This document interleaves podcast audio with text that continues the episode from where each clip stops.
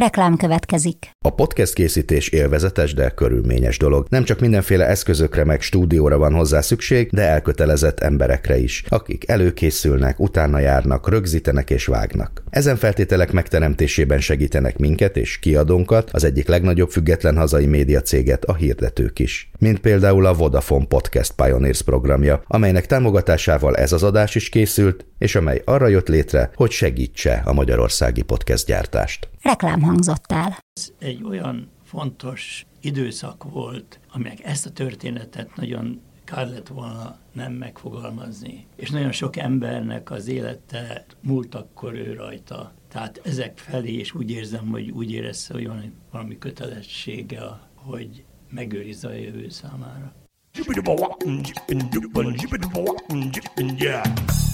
A Líra könyv bemutatja a 24.hu könyves podcastjét, a Buksót.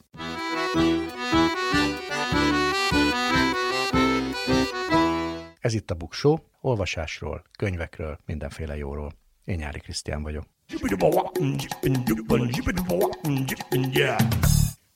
Ez a Buksó 29. epizódja, amelyet önök a könyvét, az ünnepi könyvét előtt néhány nappal hallgathatnak meg először. Éppen ezért ennek az epizódnak az egyik legfőbb témája maga a könyvét lesz. Olyan könyveket fogok ajánlani szám szerint 20 amelyeket én szívesen megvásárolnék a könyvhéten, és valószínűleg meg is fogom tenni. Egy szintén könyvheti könyv kapcsán hívtam mai vendégeimet, akik kivételesen ketten jönnek el a stúdióba. Andrási Andor és Kertész Botond, akik Stéló Gábor 365 nap című könyvéről fognak velem beszélgetni, és hát még nagyon sok mindenről. Ez a magvető gondozásában jelent meg, és Stéló Gábor evangélikus lelkészről, embermentőről, gyermekmentőről szól. Andrási Andor maga is Stéló gyerek, tehát megmentetje Stéló Gábornak, Kertész Botond pedig a téma tudományos kutatója, az Evangélikus Országos Múzeum tudományos munkatársa, velük fogok beszélgetni. A száz év magány rovatban pedig a könyvét a téma. Szeretnék néhány könyveti programot kiemelni, nem csak Budapestről, hanem Kolozsvártól, Győrig, számos városból, ahol megünnepeljük együtt, hogy milyen jó, hogy vannak könyvek, és olvasok. Száz év magány. Számok a sorok között, érdekes adatok a könyvek világából. Ismét előttünk van egy könyvét, ráadásul három éve nem volt nyári könyvét, hiszen volt egy könyvét, ami teljesen elmaradt, vagy csak virtuálisan tartották meg, tavaly pedig nyárról őszre került a könyvét, most a megérdemelt júniusi helyén a 93. ünnepi könyvét előtt vagyunk, úgyhogy egy programajánlót állítottam össze, tulajdonképpen azt, hogy én hova mennék hogyha egyszerre annyi helyen lehetnék, mint ahány helyen nem leszek. Ugye az ünnepi könyvetet a Magyar Könyvkiadók és Könyvterjesztők Egyesülése szervezi, egy civil szervezet, és hát ez a legnagyobb magyar szabadtéri könyves esemény, vagy a kortárs magyar irodalomnak az egyik legnagyobb eseménye. Ebben az évben június 9 és 12-e között nyitja meg kapuit a központi rendezvény a Vörösmarty tér és a Dunakorzó területén, ami azt jelenti, hogy kinőtte a Vörösmarty teret a könyvét, és elindult a Duna irányában, de természetesen rengeteg vidéki és határon túli helyszín is van, ezekből is fogok ajánlani párat. Emellett pedig elindul egy másik könyves esemény sorozat is, legalábbis bejelentik. Ugye Pest Buda és Obuda Egyesítésének 150. évfordulójára, a főváros születésnapjára egy egész éven át zajló esemény, könyves esemény sorozattal készül a főváros, ez a könyvfőváros program, ezt is ismertetni fogják ott. És hát ahogy el szokott indulni egy ilyen rendezvény, idén is úgy fog, nem fog hiányozni a Disz egyenruhás tűzoltózenekar is, majd pedig sor kerül a megnyitóra. Budapest mellett Győrben, Szegeden, Kalocsán, Nagykörösön, Sió Siófokon, Szolnokon, Debrecenben és Kaposváron is lesznek hivatalos programok, és valószínűleg számos vidéki városban lesznek csak úgy könyveti programok, hogy ez nem része a hivatalos programnak, és idén egybeesik a Kolozsvári ünnepi könyvét, meg a budapesti, tehát mondhatjuk azt is, hogy Kolozsváron is egy fontos helyszíne van a könyvétnek, még akkor is, hogyha nem ugyanazok a, a ők Úgyhogy mindegyikből e, idézek egy kicsit, és természetesen a könyvhéthez kapcsolódóan idén is lesz Margó Fesztivál, kiegészítve a könyvhét programjai, eseményeit. Ez ugye fizetős, legalábbis az eseményeknek, rendezvényeknek egy része, de mégiscsak ide kapcsolódik, úgyhogy ebből is fogok ajánlani. Június 9-én csütörtökön tehát megnyílik az ünnepi könyvét a Vörösmarty téren. Először három órakor a Budapest 150 programsorozat megnyitójával és Karácsony Gergely főpolgármester beszédével, aztán jön a tűzoltózenekar, az elmaradhatatlan, egyszer meg akarta szüntetni a mekeke, a tűzoltózenekart, mondván, hogy nem korszerű, de kikövetelték a látogatók, illetve a könyves szervezetek is. Negyed, ötkor Gál Katalin, a Mekeke, a Magyar Könyvkiadók és Könyvterjesztők Egyesülésének elnöke tart köszöntőt, aztán fél ötkor a Szép Magyar Könyv verseny díjátadójára kerül sor. Én láttam a beérkező könyveket, de nem tudom, hogy melyek győztek. Nagyon-nagyon szép könyvek vannak. Egyszer majd szeretnék beszélgetni itt egy könyvtervezővel, tehát akik a könyv vizuális megjelenésével ért felelnek, mert nagyon izgalmas szakma. 6 órakor pedig hivatalosan is megnyílik a rendezvény, méghozzá Nádas Péter fogja megnyitni az ünnepi könyvetet, akinek könyve is megjelenik, hát nem is erre az alkalomra, de ezen a könyvhéten veheti először kezébe az olvasó, az idén 80 éves szerzőnek legújabb regényét. Este héttől pedig hoztunk valamit magunkból címmel, Beck Zoltán és Grecsó Krisztián zenés irodalmi estjére kerül sor a Vörösmarty téren. Természetesen ez is egy ingyenes program. A Budapestihez képest Kolozsváron előbb nyitják a könyvhetet, ott már kettő órakor megtörténik majd az ünnepélyes megnyitó a Bánfi palotában, és utána egy nagyon izgalmas ottlik kiállítás nyílik. Szívesen megnézném, ha ott lehetnék. Győrben a Baros Gábor utca lesz a könyvhétnek a helyszíne, legalábbis a könyveket ott lehet kézbe venni, de a rendezvények egy része a Kisfaldi Károly könyvtárban lesz. Zalán Tibor fogja csütörtökön négy órakor megnyitni a könyvhetet Győrben, és utána öt órakor a Lovak reggelie című zenés Zalán Tibor, Huzella Péter produkciót nézheti meg a közönség. Szolnokon Tóth Krisztina nyitja meg négy órakor a könyvhetet, és rögtön utána a Majom Szeme című regényének a bemutatójára kerül sor ugyanott. Szegeden a Dugonics téren Dragomán György nyitja meg 16.30-kor a könyvhetet, és a szerzővel Szilágyi Zsófia beszélget majd 6 órakor a Somogyi könyvtárban. Debrecenben a Csapó utcai sétálóvezet lesz a könyvét helyszíne, Buda Ferenc költő nyitja meg 5 órakor a rendezvény sorozatot. Pénteken a Vörös Marti téren rengeteg program lesz, a Vigadó téri mellékhelyszín az egy nagyon fontos gyerekhelyszín lesz, egésznapos gyerekprogramok lesznek. Három órakor a fővárosi Szabó Ervin könyvtárnak lesz egy flashmobja, amit nem tudom, hogy mi, mi lesz, de nagyon izgalmasan hangzik, divatba hozzuk az olvasást, Makranci, Zalán, Poják, Lilla és Likó Marcel részvételével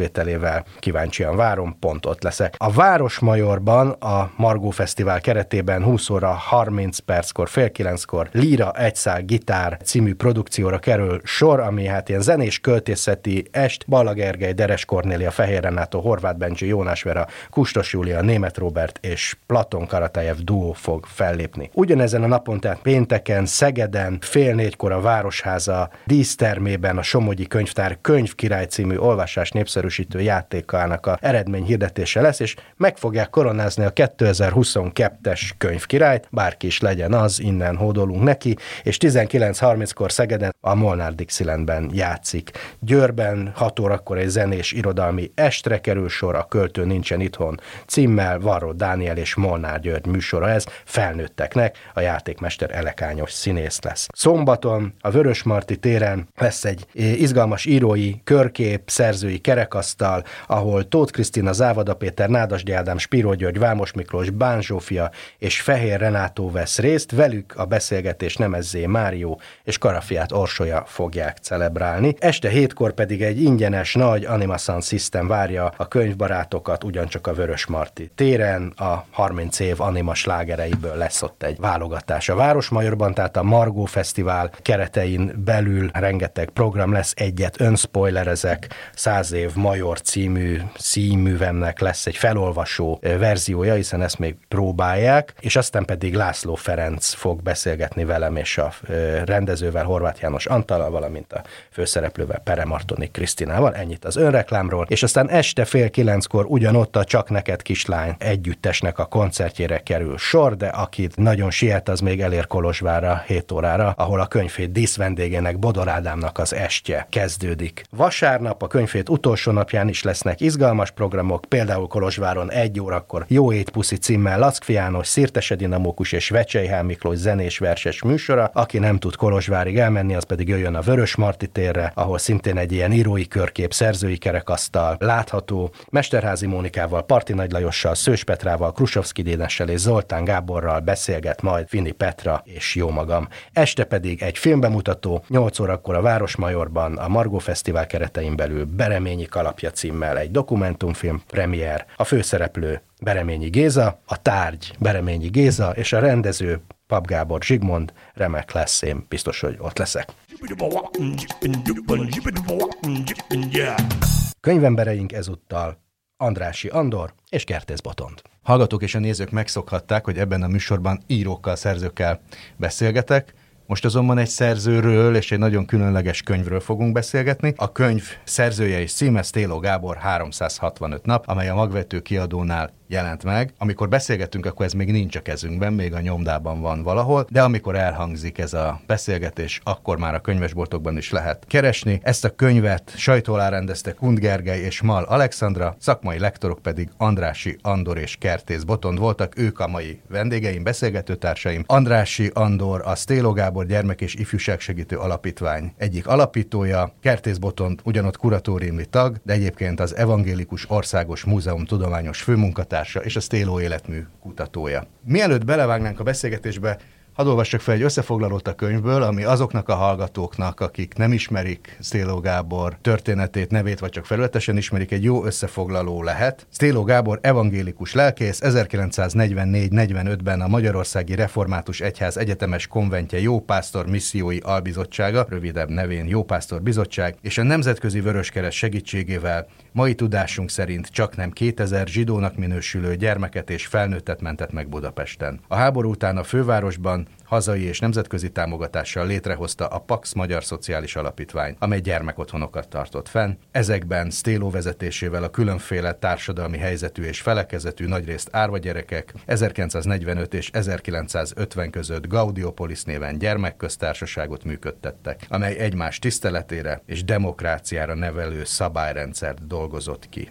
Ez a könyv soha nyilvánosság előtt ebben a formájában nem jelent meg. Tulajdonképpen az embermentő Sztéló Gábor memoárja egy évre koncentrál, de kitekintéssel a múltra. A 80-as években megjelent egy jelentősen húzott, egy kicsit és kicsit stilizált formában. Azóta viszont ezt a teljes szöveget csak kutatók ismerhették. Most a, az új szövegű kiadás kapcsán beszélgetünk, de előtte mindenképpen magáról Sztélo Gáborról kell beszélnünk, és először András úrhoz fordulok, hogy a személyes részével kezdjük. Mikor találkozott vele először? Hány évet töltött egyáltalán ebben a gyermekotthonban? Szóval mik a legfontosabb személyes emlékei? 1945 őszén kerültem én a gyermekotthonba, akkor még nem Pax Szociális Alapítványnak nevezték Pax Gyermekotthonnak, hanem akkor még a Jópásztor felügyelte az intézményt. Szélo Gáborral akkor találkoztam először, és én ott voltam az intézetben 1949-ig, négy éven keresztül a gyermek otthon lakója. Hány éves volt akkor? 12, 12 volt, voltam, igen.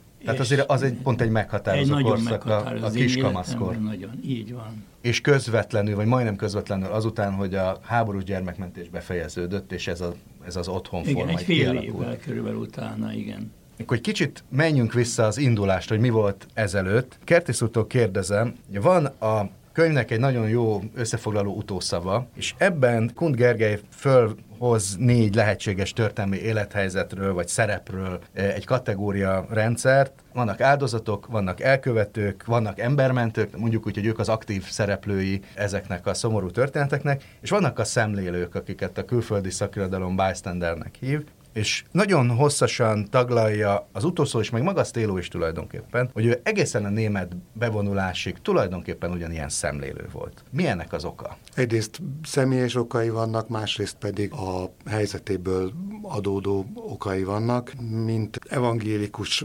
lelkész, vagy mint az evangélikus egyház egy tagja, nem nagyon vette észre, vagy nem nagyon akarta észrevenni, hogy mi történik körülötte. Azért azt tudnunk kell, hogy a második világháború ugyan elkezdődött 1939-ben, Magyarország is belépett, de igazából nem nagyon lehetett észrevenni, hogy háború van, érkeztek hírek a harctérről, de a hátország sokkal jobban meg volt szervezve, mint az első világháborúban, és ez a tény eltakarta az emberek szeme előtt az is, azt is, hogy mi történik a közvetlen környezetükben. Itt a legfontosabb kérdés, mi történik a zsidósággal, mire vezetett az a megszorító politika, ami a magyarországi zsidóságot érte. Stélo Gábor nagyon jól el volt a maga kis világában, és ne gondoljuk azt, hogy egy semmivel se gondoló aranyi fiú volt, hogy ön is megtalálta a maga helyét, maga feladatát, a maga nagyon szép és fontos feladatát. Szociálisan nagyon-nagyon érzékeny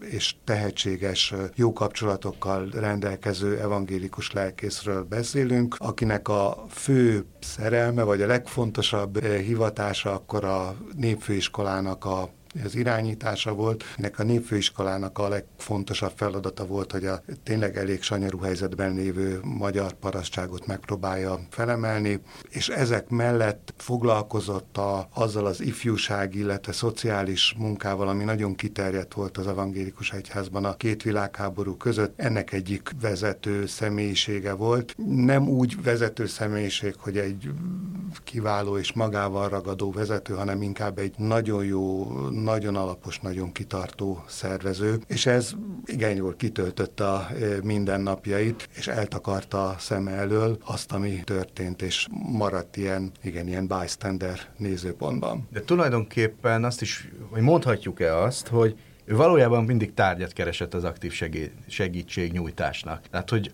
tulajdonképpen, ha, ha, ha nem jön mindaz a borzalom, ami jött, és őt pusztán a népfőiskolával foglalkozik, akkor is lenne miért megjegyezni a nevét. Ha szabad egy picit ironikusan fogalmaznom, akkor Stélo ilyen szempontból a lehető legjobb korszakban született a rettenetes 20. századunkban, hiszen mindig volt kint segíteni, és Stélo Gábor nagyon jó szemmel és nagyon jó érzékkel megtalálta mindig ezt, azt a társadalmi csoportot, akin segíteni lehetett. Beszéltem a parasztságról a népfőiskolai mozgalommal kapcsolatban, picit térjünk ki az 1950 utáni időszakra, kezdte a kitelepítettek, hát inkább teljesen, mint félig illegális segítésével, majd megszervezte az evangélikus egyháznak a szociális munkáját, hálózatát, és még Svájcba is talált olyanokat, aki segíteni lehetett. Erről mindenképpen szeretnék még csak még menjünk vissza ide a időben, hogy egy, hogy egy évet föl tudjunk vázolni a hallgatók előtt. Először az egész jópásztor az a protestáns vallású munkaszolgálatosok körülményein akart tulajdonképpen segíteni, Stélo pedig a protestáns vallásúnak keresztelt gyerekek mentésére kapott felkérést. Azt is mondhatom kis túlzással olvasva a kézetot, hogy tulajdonképpen kinevezték valamilyen szelíd módon, hát egy visszautasítatatlan felkérést kapott valójában. Szóval ez, egy, ez ilyen egyfajta mondjam, ilyen jónási feladat volt, hogy megkapta a profétaságot, ha tetszik, ha nem? Egyrészt igen, másrészt Raffai Sándor azért bölcs ember volt. Ő volt a püspök. Stélo meg is írja, igazából az ebből az új teljes szövegű kiadásból derül ki, hogy neki mindig is az volt a vágya, hogy elhagyott gyerekeken segítsen. Szerette volna megkapni az országos protestáns árvaháznak az igazgatói tisztségét, ezt nem kapta meg. Egyrészt Jónás volt, másrészt azért egy, talán mintha egy fajta kárpótlás lett volna, hogy na akkor, akkor fiam, csináld ezt. Számomra a legfontosabb legfontosabb részek túl a magán a történeten, azok a szembenézés, az utólagos szembenézésnek a, a, a részei, amik, amik nagyon sok oldalon, sokféle formában megjelennek, hogy tulajdonképpen azt hogy ez volt a legsúlyosabb hibája életében, hogy túl későn vette észre, hogy mi történik. Azt írja, csak két mondatot olvasok föl, hogy mit mulasztottam, mi minden történetet volna másképp, hogyan nem nézett szembe az, hogy hogyan játsza el hitelességét a, a, tulajdonképpen a kereszténység. Azt is mondja, hogy a bűnbánat és a bűnismeret az, az együvé tartozik. És a, hogy drága kegyelmi esztendő volt, tehát hogy megtalálta a saját útját, de hát ezért nem csak ő, hanem mindenki nagyon nagy árat fizetett. Hát mind a kettőjüktől kérdezem, hogy értelmezhető esetleg ez a könyv, vagy ez a memoár egy ilyen erkölcsi utazás bemutatásaként is, vagy egyfajta ilyen konfesszióként? Én nem érzem, hogy valami ilyesmi lenne. Szerintem ő akkor, amikor igazából megint a könyvet az a 60-as évek elején írta meg Svájcban. Hát lehet, hogy voltak jegyzetei és olyan alapjai, amik, írásban följegyzései lehettek, hogy ennyire, mert a könyvben nagyon sok részletkérdésre emlékszik. Tehát én szerintem inkább az motiválta őt, hogy ez egy olyan fontos időszak volt, aminek ezt a történetet nagyon kár lett volna nem megfogalmazni. És nagyon sok embernek az élete múlt akkor ő rajta. Tehát ezek felé, és úgy érzem, hogy úgy érezte, hogy van valami kötelessége, hogy megőrizze a jövő számára. Szerintem főleg a kötet utolsó rész azért értelmeztető úgy, ahogy ön elmondta, tehát egy, egy szembenézésként, egy, egy bűnvallásként, egy, egy figyelemre felhívásként Téló prédikál, bizonyságot tesz, mint evangélikus lelkész. Részint, bocsánat a teológus fogalmazásért, de, de ő mondja így, részint Isten kegyelméről abban az időben, amikor, amikor annyian teszik fel a kérdést, hogy hol volt Isten, és részint a mulasztásokról, a bűnökről, ami nagyon-nagyon furcsa, mert hogyha valakire nem gondolnánk, hogy itt mulasztás terheli a lelkiismeretét a holokauszt kapcsán az éppen Stéló Gábor. És hogy ő ezt magára veszi, ez még súlyosabban érinti akár a kortársakat, akár az utódokat. Ha ő úgy érezte, hogy nem tett eleget, akkor mit mondhatnak a kortársak, mit, mit mondhatunk mai utódai arról, hogy mi, mit tett az az egyház, ami ma is létezik? Hát ami a legaktuálisabb számomra belőle az, hogy hát a szemlélőknek a bűne azért az elég súlyos tud lenni, még akkor is a, a legkönnyebb felmenteni önmagunknak azzal, hogy nem is csináltunk semmit. Ugye két dologgal kezdettől, ahogy elkezdte ezt a munkát, nem törődött Stélo. Izma, hogy betartsa a hatályos fai törvényeket, másrészt, hogy meg, a, megment egy gyermekei kizárólag protestáns felekezetűek legyenek. Ez ugye óriási kockázatot jelentett neki is, meg tulajdonképpen az egyházának is. Mikortól vált a embermentés vallásilag semleges általános célá, vagy, és hogyan jutott ez a gyermekmentésig, és tulajdonképpen a vallási szempontoknak a, a félretételéig?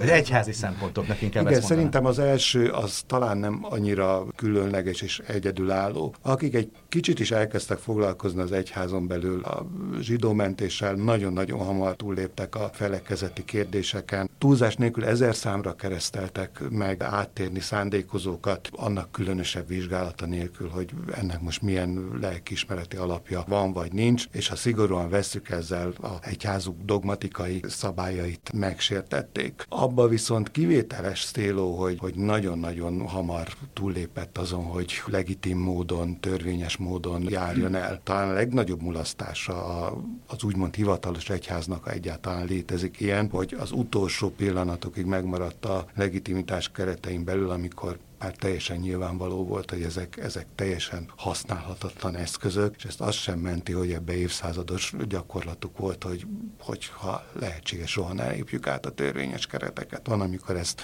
ezt nem lehet megtenni, és Steele ezt fölismerte, és ebben általán az ő szerepének különlegessége, hogy, hogy ezt a lépést megmerte lépni, ez, ez, ez tényleg nagyon-nagyon ritkán tették meg, vagy nagyon kevesen. Talán van még egy dolog, amiben amiben például nagyon más ez a könyv, mint, az, mint a 80-as években kiadott, hogy azért megmutatja, hogy milyen vitái voltak a saját egyházával. Tehát hogy ahhoz képest, hogy ugye a jópásztor a zsidó származású protestáns hívek megmentése érdekében jött létre, tehát azért különösebb anyagi segítség nem érkezett a gyermekotthonok létrehozásához, nem nagyon volt pénz és hogy szépen kiderül ebből a, a visszaemlékezésből, hogy hát egy idő után elég feszült lett a kapcsolat a jópásztorral, például anyagi, meg például a felekezeti célok, a zsidó misszió eltérő értelmezése miatt is. Ez a felismerés jelentette számára vajon a fordulópontot, vagy egyszerűen nem kellett felismerni, hanem az eredeti feladatán túl kellett terjeszkednie szabályszegés, vagy akár ellentmondás útján is. Ez az ő egyéniségéből fakadt. Tehát az ő értékrendje az nem feltétlenül az egyházi hivatalos politikának felelt meg, hanem ő követte a saját maga értékrendjét. És akkor, amikor nem volt már ennyire szorító körülmény az, hogy a zsidó származásnak tekintett gyerekeket, azokat megkereszteljék, hogy azok mind átkeresztelteket tekintsék. Jól lehet ennek semmi szerepe nem volt, azt a fai törvények azok ezt nem tekintették, tehát tulajdonképpen ez a mentés szempontjából nem volt egy körülmény, de hanem később, amikor már konszolidálódtabb körülmények voltak, akkor is fölvállalta ezt, amikor tulajdonképpen külső kényszerre kénytelen volt megválni a jópásztor ernyője alól, és, és egy alapítványt tenni. De, mert nem volt hajlandó elfogadni azt a feltételt, hogy a missziónak megfelelően legyen a gyermekotthon szervezése is, és olyan gyerekeket fogadjon be, akik eh, protestáns vallásúak, hanem azt mindenkit, aki akinek szüksége van segítségre, annak ő hajlandó segíteni, és ebből semmiféle egyházi szempont nem térítette el. Csak egy rövid kiegészítést, hogy lássuk, hogy ez egy mekkora fordulat volt, csak egy szót arról, hogy Téló abból a hitbuzgalmi, ébredési körből jött oda tartozott szorosan, amelyiknek kifejezetten fontos volt az egyháziasság megélése, elmélyítése, hogy innen eljutni ahhoz a mindenféle egyházi szempontokon túlnyúló, teljesen tiszta ember szeretetig, az azért egy, egy, egy, egy hatalmas lelki út lehetett Stéló részéről, és ebben talán tényleg az a nagyon jó értelembe vett gyakorlatiassága segítette át, hogy meglássa azt, hogy, hogy valóban nem, nem az egyházi törvénykönyv és nem a, nem a dogmatika számít, hanem, hanem a szentírás. Még itt az embermentő időszaknál egy nagyon picit időzve nagyon sokkal hangsúlyosabban megjelenik ebben a könyvben például a Vörös Keresztnek a szerepe, mint az előzményben, vagy hát pontosabban nem is a Vörös Kereszt, hanem inkább Friedrich Born volt svájci kereskedelmi képviselőnek a szerepe, aki két gyermekvédelmi divíziót hozott létre, az egyiket a protestáns gyerekek érdekében, Stélo vezetésével. Ők hogy találtak egymásra? A könyvből annyi derül ki, hogy Born keresi két alkalommal is Stélót, hát az meg már a történész azért megalapozott spekulációja, nem, nem nevezzük inkább hipotézisnek, az mégiscsak jobban hangzik, hogy nem lehet véletlen, hogy Born rátalál Stélóra, hiszen Stélónak élő családi svájci kapcsolatai voltak. Hát azért nem babra ment a játék 1944-ben, nem lehetett akárkit leszólítani az utcán. Egy lelkész sem, hogy barátom, tegyél valamit a... Tehát az, az éppen, Így van, tehát hogy le kellett informálni, megbízható volt, és hát azt hiszem, hogy az ő családi kapcsolatai révén Born nagyon is tudta, hogy kit keres meg. Ezt Tilo tényleg nem részletezi, Tudott-e róla, nem tudott, de ezt nem lehet tudni, de szinte biztos vagyok benne, hogy ez a családi háttér. Ez de valamit utal talán arra, hogy, a, hogy ez a Hagemeyer családról van szó, hogy a könyvben előfordul, hogy hol találkozik a Hagemeyer, azt hiszem nagybácsival, hanem éppen a Bornál, Borni irodájában, tehát az ő ismeretségük feltehetően. Ja, Hagenmacher egy, egy, az ő saját. nagyon jelentős magyar, svájci származású magyar iparos család, vagy hát vállalkozó. Igen. Hogy még közelebb hozzuk Igen. a hallgatókhoz a Dréerek üzlettársai, és akkor Igen. már mindenki tudja, hogy hova kell őket helyezni. ja, novemberben már 26 gyermek otthon van, évelejére 30, 900 gyerek, 140 anya, 245 gondozónő, akik maguk is üldözöttek, tehát őket is mind a, a mentettek között kell számon tartunk, és ez kb. 2000-re nő. Ezek már a tomboló nyilas terror napjai. Az egyik kérdés az az, hogy, és ez inkább vonatkozik a jópásztorra, meg az egész embermentő tevékenységre, nem volt ez túlságosan késő? Minden bizonyal túlságosan késő volt, és Stélo ezeket a kérdéseket teszi föl, hogy ha előbb lépek, ha előbb tudom, ha, ha jobban odafigyelek, akkor mi lehetett volna. De erre... erre Történelmietlen a, a kérdés. Történelmietlen a kérdés, de ezt mindig persze föltesszük. Talán érdemes a másik kérdést tényleg nem az önfelmentésnek a gesztusával föltenni, mi lett volna, ha még akkor sem. Persze, a, hiszen, és nagyon sokan valóban akkor sem tettek semmit. Igen, ez nagyon nehéz ilyen nagyon gyorsan változó körülmények között mindig jól megfontolt döntéseket hozni, és az a helyét jól meglátni. Engem nagyon foglalkoztat, hogy tudhatott -e Auschwitzról. Leírja, hogy kis tartsát rosszabbnak gondolja, mint ami a zsidókkal történhet, akiket elvittek, de hát elméletileg közben meg ugye Sós Géza református lelkész már 44 tavaszán elhozza az Auschwitz jegyzőkönyvet a Horti titkárságnak és a jópásztornak is. Tehát, hogy elméletileg lehetett róla tudása. Kund Gergely az előszavában nagyon szépen körbejárja ezt a kérdést. Talán azt kell mondani történészként, hogy tudnia kellett róla, hiszen Éliás József, aki bizalmas, tehát nem csak munkatársa, jó, jó barátja, igen, igen, igen, átmegy a kezén, nem létezik, hogy erről nem tudott, hogy mennyit hitte belőle, mennyire vette komolyan, talán ez, a, ez az igazi kérdés, és hogyha ha igen, ha nem, és er, ez, erről miért nem emlékezik meg a, a, az emlékiratokban, ez, ez talán már inkább a, a pszichológusnak a területe, mint a, mint a történészé, vagy a, vagy a személyes ismerősé. Ja, András Júra, hogy mondta, 12 évesen 45 őszén került a, a Sztéló Gábor vezette gyermekotthonba, ott tudott, vagy tudhattak önök az előzményekről gyerekként is, hogy tehát, hogy Stélo egy embermentő volt? Egyáltalán szó esett erről az időszakról ott? Hát úgy hivatalosan nem esett szó, hanem nyilván a, a gyermekek egymás között, ki ki a saját maga élettörténet. Voltak még ott olyan gyerekek, akiket akkor persze, mentett? Persze. Úgyhogy ez akkor már egy kicsikét megnyugodtak a kedélyek. Kezdetben a visszaemlékezések, amelyekről lehet tudni például az Szíró gyerekek voltunk című könyvben, ahol több úgynevezett sztéró gyerek nyilatkozik arról, hogy milyen ö, körülmények vezettek oda, hogy nekik Sztéró Gáborral kapcsolatuk legyen, és ott volt, többen voltak, akik mentettek voltak. Hogy ez a kezdeti időpontban milyen sok konfliktus forrása volt, hogy voltak olyanok, akik, azt lehet mondani, a másik oldalon voltak, és voltak olyanok, akik akik életveszélyben voltak, és akik mentettek voltak, és akik üldöztek. És ez nagyon De ott, ott a gyerek volt. közösségen belül ezek törésvonalak voltak? Ezek, igen, és de ez Gábor, ez, ez ugye nyilvánvalóvá vált, és Gábor többen úgy emlékeznek vissza, hogy összehívta a gyerekeket, és mondom, most mindenki mondja el, hogy kit mi bánt, kinek milyen a múltja mindenki tulajdonképpen sérült, ha vagy ilyen, vagy olyan, vagy olyan okból.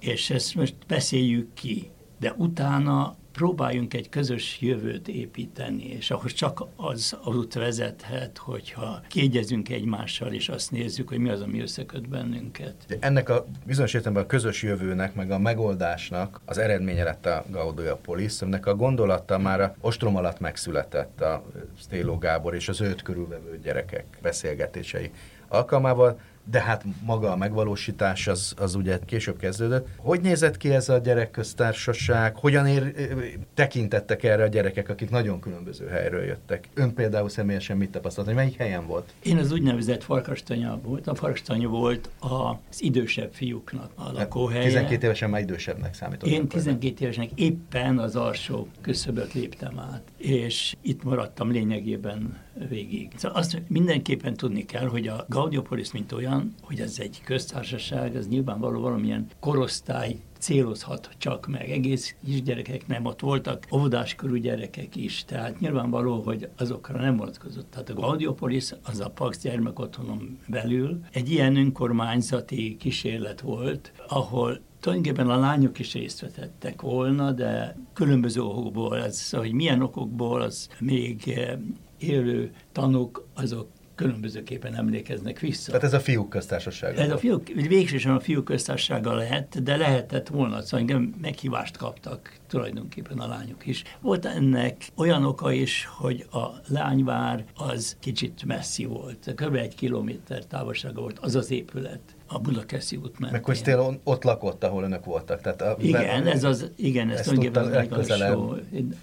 Budakeszi út 48 volt, igen. Ez volt a Weiss családnak egy nyári rezidenciája, és itt voltak a nagyobb fiúk. Volt még egy olyan ház, amelyiknek a lakói részt vettek, és tagjai voltak a Gaudiopolisnek, ez a fecskefészeknek nevezett, az, ez közvetlenül megelőző korosztályt, kb. 9-12 éves korig terjedő gyermektársaság tartozott még még hozzá. Arra a kérdésre, hogy ezt hogyan lehetett összehozni, kétségtelen, hogy később már a, a föntartásunkkal, az életkörülmények azok összehozták a gyerekeket. Közös munka. A munka az nagyon fontos alapja volt magának a működésének, köztársaság működésének. És a munkavégzés, amely, ami nem kitalált munka volt, hanem a mindennap életünknek a szükségessége volt. Kicsit az jutott eszembe, amikor a részleteket olvastam, kicsit olyan volt ez, mint amikor a protestáns telepesek megérkeznek Amerikába, vagy valahova. Tehát, hogy a, a munka és a, a, a szabadság, egyenlőség, testvériség gondolata az valahogy közösen szervezi. De honnan volt Stélónak egy ilyen igazából kidolgozott pedagógiai programja? Az biztos, hogy nagyon sokat elhozott a népfőiskolából. Majd, hogy nem ugyanezt csinálták. Ott is nagyon fontos volt a kétkezi munka, ez már a skandináv, ugye a népfőiskola az Dániából származik, Skandináviába terjed el, Stélo Gábor Finnországba ösztöndíjas találkozott vele, tehát már ott is nagyon fontos szerepe van a munkának, fontos szerepe van a tanulásnak és a képzésnek, hogy ez a, ez a demokratikus ötlet, ez honnan jön, ami az igazi savaborsát és különlegességét jelenti.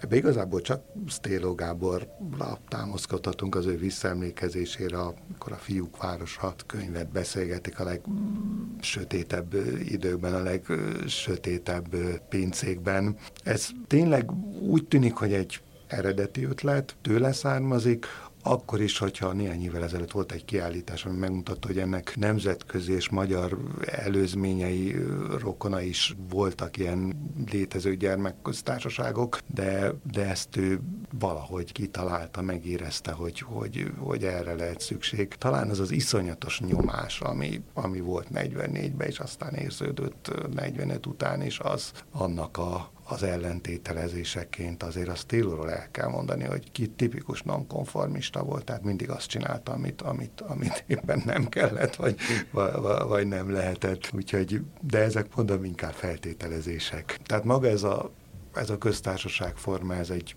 ez egy könyvből vett, de saját ötlet. A gyakorlati megvalósítás, amiről az előbb András bocsánat, Bandi beszélt, az meg, annak meg voltak gyökerei a népfőiskolában. Tulajdonképpen azt lehet ismereteink szerint ő láthatta azt a filmet, ami a 30-as évek végén jelent meg, a fiúk városa, The Boys Town, ahol Spencer Tracy és Mickey Rooney játszották a főszerepet, és ott, ahol amerikai szintér van, és ahol az utcán csavargó gyerekeket összeszedi ez a bizonyos katolikus pap, és szervezve, vagy valamilyen szervezett életet, hogy ez éppen miért lenne köztársaság, hogyan fordítja ez nem, hogy ez köztársaság legyen. Mindegy, ezt gondolom én, hogy az Szélo Gábor ötlete. Egyszer egy interjújában egy fél mondatot mondott arról, hogy megbuktattuk a miniszterelnököt. Ez például hogy volt? Ez engem nagyon érdekel. Hát nagyon 70 valány év távoltában nehéz eh, visszaidőzni pontos helyzetet. A szituáció ugye az volt, hogy az első kormány az ugye a nagyfiúkból állt mindenképpen, ugye hát ez úgy szokott lenni, hogy a fiúk társaságában a hangadók mindig az idősebbek, erősebbek és az is nagyon ismert ilyen közösségekben, hogy, hogy nehéz ilyenkor megállni, hogy ne terjeszkedjenek túl a feladataikon, és hogy kvázi erőszakoskodjanak, és a saját maguk túlhatalmát azt, azt éreztessék a kisebbekkel. És ez a kisebbeknek nem olyan nagyon tetszik. És tekintve, hogy köztárságról van, van szó, és lehetett ezzel ellen szólni, ezért aztán az a népség, amelyik közvetlenül utána következett korosztályban, az úgy megelégelte ezt, és azt mondta, hogy tessék, választunk új vezetőket, mert ezek nem úgy viselkednek, ahogy nekünk az jó. E pont ez a történet mutatja, hogy ez egy valódi köztársaság volt, tehát hogy ez tényleg működött. Igen, szóval ez egy játék is volt, de tulajdonképpen meghatározta az életünk kereteit. És akkor utána következett az az időszak, mikor de tulajdonképpen ez, mint jó pászta a gyermekotthon nem olyan nagyon sokáig, 46 tavaszáig Igen. működött, és aztán az evangélikus egyház felszólította a Stélót, hogy csak protestáns vallású gyerekeket tartson az intézményben, nem fogadta el, és ez egyben elhozta tulajdonképpen az egyházi szolgálattól való felfüggesztését is. Létrehozta a Pax gyerekotthon, tehát ez egy kenyértörés. Megalakul a Pax Magyar Szociális Alapítvány, és nincs sem állam és sem egyházi támogatás. Hogy tartotta ezt fel? Nagyon ügyesen és nagyon kreatívan, döbbenetes kapcsolatrendszerrel rendelkezett állam felé, város felé, külföld felé, és azt is azért érdemes finomítani, hogy valóban a hivatalos kapcsolat meg szűnik a, az egyházzal, de tehát a gyülekezeteket megkeresi, vidékre megy a 100 kiló krumpliért és a, és a tojásért. Ez valójában a hívek azok továbbra is támogatnak. Igen, tehát mert hogy ő továbbra is lelkésznek tekinti magát, egyébként az egyháza is, tehát hogy nem, nem lépett ki soha az egyházból. Minden hétvégén tartott uh-huh. Isten tiszteletet. Igen, és, és meg, meg, megmarad ez a kapcsolat, de mondom, hogy mindent kihasznál. Ezt nem itt az emlékiratokban valahol máshol valakinél olvastam, hogy bérbe adja a Gaudiopolis helységeit és, és a leg, legkülönbözőbb pártoknak a ilyen-olyan gyűlései szervezete, és ebből is van bevétel. Tildi Zoltánné, mint köztársaság elnök felesége, védnöke segíti, és hát még egyet, hagy mondjak, ami időnként még nagy meglepetés, mert meg is szokott botránkoztatni embereket, hogy Stélo Gábor arra vetemedet, hogy még a, a szabad könyvességbe is belépett. Én ezt azért nem tartom olyan iszonyatosan nagy réteknek, de hát a szabad könyvességbe való belépését is az motiválja, hogy a kapcsolatépítés, a kapcsolati hálónak a, a terjesztése, és mindez nem az ő ugye, kapcsolati hálónak az építéséről tudjuk, hogy mennyire fontos a karrier szempontjából, de hát nem a karrierről van szó, hanem ott van ott van rengeteg gyerek, akiről gondoskodni kell. A, a mentettek visszaemlékezéseiből derül ki, hogy ebből a gyermekköztársaságból több olyan személy is kikerült, akik utóbb hát nagyon komoly értelmiségi pályát jártak be, Orbán Otto, Sárközi Mártyás, Horváth Ádám, Szilágyi János lehetne sorolni, vagy... Makai Péter, vagy más nem mondja. Hát vagy például önt, aki sugárvédelmi szakember, sugárvédelmi fizikus lett. Ez mennyire következik a, a hely szelleméből? Vagy egyszerűen ez egy véletlen statisztikai adat? Bizonyos mérték véletlen statisztikai, én de nagyon óvakodnék nagyon szoros összefüggést találni. Én azt hiszem, hogy abban talán lehetne valami, és ezt próbáltuk abban a könyvben is valahogy kifejezésre juttatni, nem tudom mennyire sikerült, hogy az a fajta szellemiség, ami ott uralkodott akkor, és Stélo Gábor személyes kisugárzása vajon hatott-e a gyermekek későbbi életére, vagy sem. Erre nagyon kíváncsiak lettünk volna. Volt, akinél igen, volt, akinél kevésbé. Önne például? Én nálam alapvető. Szóval nálam talán nem is a személye, tehát nem is Stélo Gábor személye, hanem az az életforma, ami ott megvalósult az rettentesen beletalált az én igényeimbe, és, és én azt hiszem azóta is ezt tartom az én felnőtt életem lényegi megformálási alapja. 1950-ben már államosítják is ezt a, a, az otthon, tehát mondhatjuk-e azt, hogy az embermentéstől az otthon megteremtése és menedzselése időszaka, ez a hat év voltak éppen egy magányos harc volt sok segítséggel, de azért alapvetően ő volt az, akinek mindent ki kellett harcolni, és, és nem feltétlenül egy támogató környezet. Nem tudom, a, a, tényleg olyan változó és dinamikusan változó csapat volt mindig Stélo körül, hogy ezért magányos harcnak nem nevezném, hiszen ezt, ezt csak közösségben lehetett megtenni. Inkább azt mondanám, hogy annyira meghatározó szereplője ennek a 44-től 50-ig tartó időszaknak, hogy ez ezt nevezhetjük valóban az ő munkájának, vagy, vagy talán főművének ő is ezt érzi, de nem mondanám, hogy egy magányos farkas volt, hiszen, vagy egy magányos harcos volt, nagyon is csapatban tudott dolgozni. Ez azt hiszem, hogy igazán jó érzéke volt ez az empátia, amivel meg tudta nyerni a céljainak a, az embereket. Azt hiszem, hogy el tudta fogadtatni, vagy meg tudta győzni a környezetét arról, hogy, hogy én nagyon egyszerűen fogalmazok, hogy az, az, amiért ő küzd, vagy az, amit csinál, az egy egy jó ügy. És ez jó ügy akkor is, hogyha ha erről a, a környező társadalmi politikai környezet mást mond, és erről azért lehetett meggyőzni az embereket, mert ez tényleg jó ügy volt. Sajnos nem tudunk részletesen belemenni, hogy mi történt a emigrációjáig tartó következő években.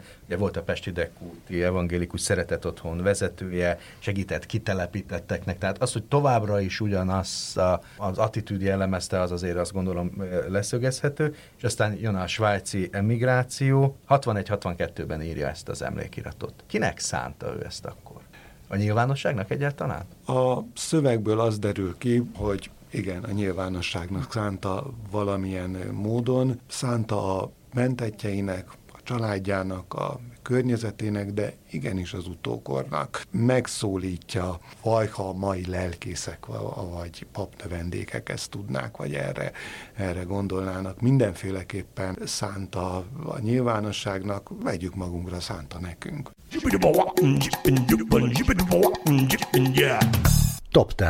Egy polsznyi jó könyv olyan könyveket válogattam teljesen önkényesen, szépirodalmit is, meg ismeretterjesztő non-fiction kategóriából is, amiket biztosan beszerzek a, a könyvhéten.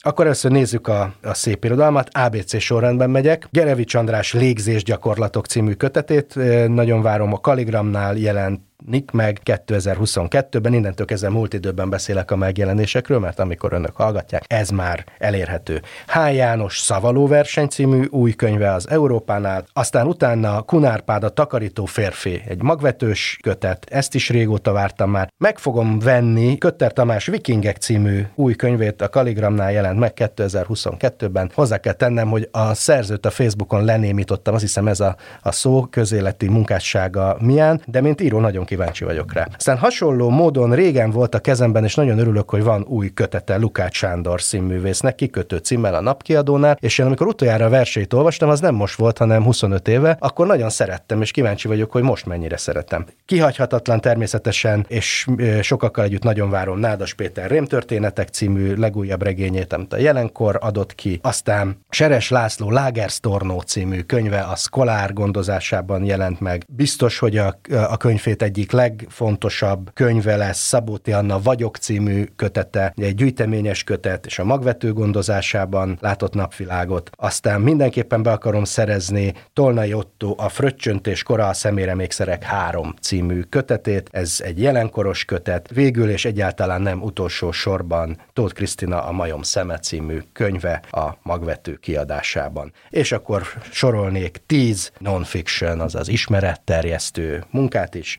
Ablonci Balázs száz év múlva lejár, újabb Trianon legendák című könyve a Jaffa kiadónál, az első kötetét is nagyon szerettem ennek az ezek szerint sorozatnak, kiváló történésztől. Aztán László Ferenc Honi Bestiárium, 33 portré és pályakép a 20. századi magyar irodalomból, ugyancsak Jaffás könyv és hát írók életrajza szerepel majd benne, legalábbis a főszöveg alapján erre következtetek. A Korvinál gondozásában jelent meg Magyarország globális története című kötet, Lacó Ferenc és Varga Bálint szerkesztésében. Ez egy olyan különleges történelmi munka, ami azt nézi, hogy Magyarország Magyarország hogyan kapcsolódott bizonyos globális folyamatokhoz, a kereskedelemtől, a politikán át, kulturális, szociális folyamatokon. Egyre több országról jelenik meg ilyen könyv, Franciaország kezdte, nagyon izgalmas vállalkozás. Aztán szintén egy irodalomtörténeti jellegű könyv, nem is jellegű, hanem, hanem arról van szó, Magyar Miklós Algír nyomor negyedétől a Nobel-díjig című könyv, ez Albert Camusről szól, és a Napkút kiadó gondozásában jelent meg.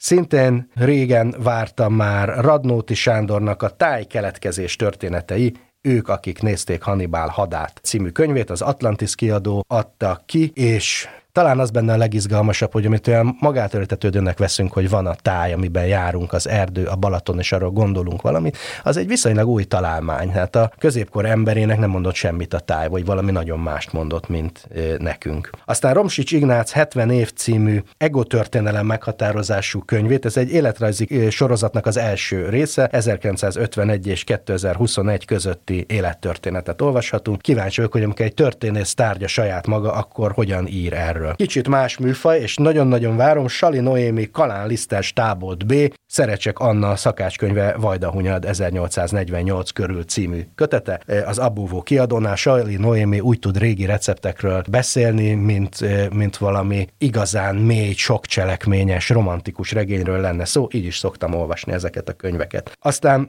Sarlatánok kora, miért dőlünk be az áltudományoknak? Krekó Péter és Fajuna Nóra szerkesztésében jelent meg az Ateneumnál, és hát arról szól, ami a címe, akár csak a következő tudástermelő, kapuőrök és véleményvezérek, Herman Veronika, Gácsanna, Ham Gábor, Bárány Tibor szerkesztésében, a Tipotex kiadó gondozásában jelent meg, és ugyanez vagy hasonló a témája, hogyan változik meg a tudományhoz való viszonyunk itt a 2020-as években. Talán ez az egyik legfontosabb változás, ami az egész globális világgal, az emberiséggel történik. Végül, és egyáltalán nem utolsó megint egy történelmi munka, Varga Szabolcs, Leonidásza a végvidéken a Kronosz kiadó gondozásában jelent meg, és Zrínyi Miklósról szól egy monográfia, hát sok-sok évtizeden nem született Zrínyi Miklósról könyv, úgyhogy ezt is nagyon várom.